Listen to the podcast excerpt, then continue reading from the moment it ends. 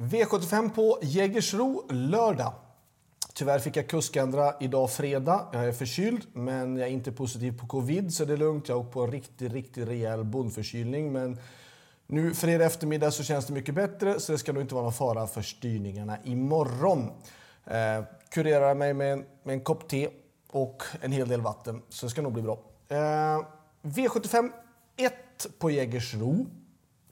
Eh, oft som ofta så vinner ju mycket högre procent eh, utav spetshästarna på Jägersro kontra vad de gör på många andra banor. Det har att göra med, tycker jag, lite grann att utgången till stallbacken, alltså stall, stallarna, är emot eh, mål. Eh, så det är många gånger att det motiverar hästarna lite grann mer att orka hålla lite längre. Plus att det känns att det nästan lutar lite grann neråt på upploppet. Um, och just i det här fallet så tror jag att nummer ett, Quenchless Tile, är just en sån häst som kommer leda det här loppet runt om. Uh, och jag rekommenderar faktiskt spik på ett Quenchless Tile för att det låter väldigt optimistiskt. Hästen är väldigt startsnabb, visade form senast och uh, ja, Eh, det är inget riktigt bra lopp det här tycker jag överhuvudtaget annars så sett. Eh, för det är inga hästar som har vunnit mycket lopp, det är inga som kommer med några bevisade formtecken. Åtminstone inte de som står på framspår. Eh, ett quenchless tile är stor risk att den helt enkelt får sitta och bestämma länge och då blir den svår att plocka ner. Jag har med nummer 9 Torondor som känns fin. Han känns fin form, formmässigt. Körde honom så sent som igår och allting verkar jättebra med honom. Men just bakspår och ledaren eh, kommer få bestämma tempo, ja då är klart att då blir det svårt att komma bakifrån. Men Torondor är en av de som kan utmana om man vill välja att gardera. Men till 38 procent just nu på V75-sträckorna så tycker jag att ett Quenchless Style är befogat att kunna spika sig ur. Värst emot så tycker jag två Global Bodyguard, eh, fem Malon Boko, kanske åtta Latukai Boko och självklart då nummer nio Torondor är värst emot. V75 2 har jag med mig ett Notre Pearl och hon känns fin. Eh, jag tror att hon kan leda loppet väldigt länge och jag tycker att hon är min hetaste kandidat på V75-gången den här gången.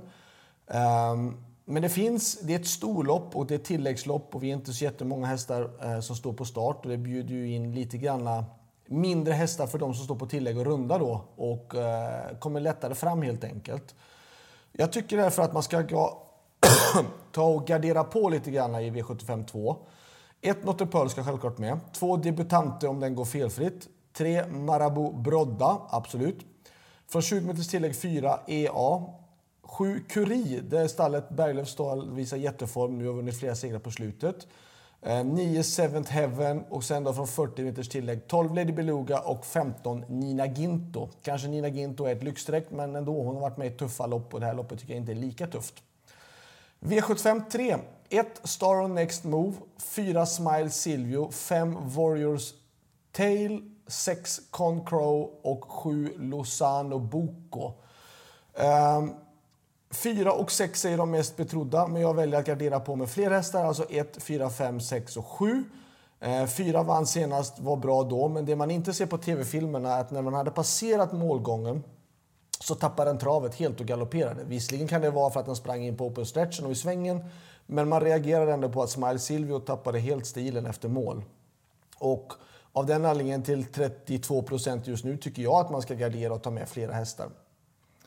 V75 4 och då spikar jag nummer två Cash Keeper. Eh, jag tycker att 33 procent på en häst som kommer från Daniel Redén och Örjan Kihlström kör, står på start i ett långlopp, vann senast då tycker jag att det är befogat att kunna spika.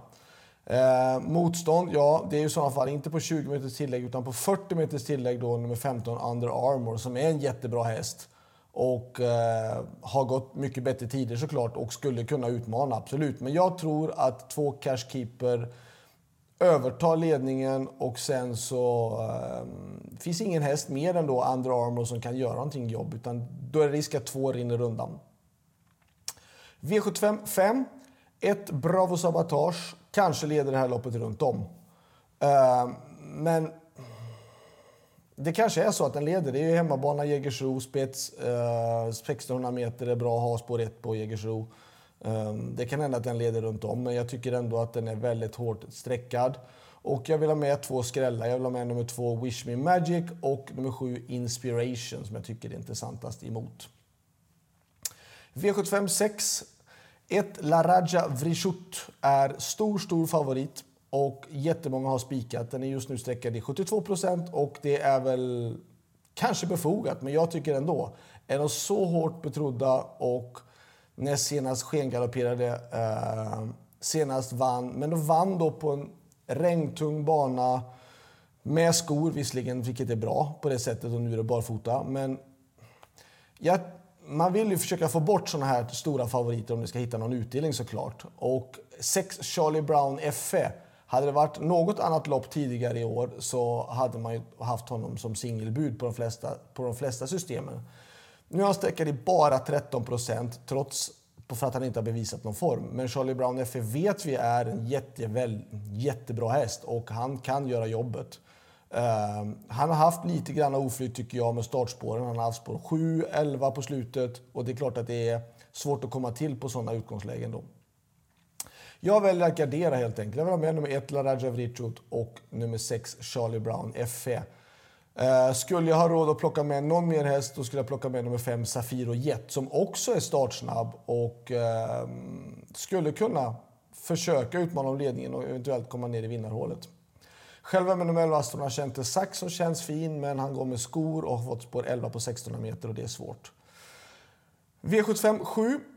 Två Unico Broline tycker jag har varit jättebra. Han var bra i SM, han har varit bra under en längre tid, han presterar alltid jämnt och bra och han har ett bra utgångsläge. Jag tycker att han är solklar första häst i loppet. Uh, sex Honey Miraz har inte varit ute och mött hingstarna, uh, eh, tycker jag på det sättet. Um, hon är jättebra. Men ändå, hon ska gå ut som ett sto på 2640 meter mot hingstarna och vallakarna. Och jag, ja, jag väljer att gardera. Eh, åtta Oscar Ella gjorde ett kanonlopp i SM senast. 9 miljoner dollar rhyme visar ju alltid bra form om man får det rätta läget. Och han brukar alltid gå bra på just den här årstiden också. Och 11 Esprit Sisu, den har vi haft med som varning många gånger och ibland skräller han till ordentligt och han är bara sträckad i 7% just nu. Så att två 6, 8, 9 och 11 i den sjunde avdelningen. Jag kör själv nummer 12, Blé Duguerre, men från spår 12 blir det svårt. Även om den hästen har visat bra form på slutet så tänker jag att spår 12, det är inte himla lätt. Slutsummering. Bästa spiken.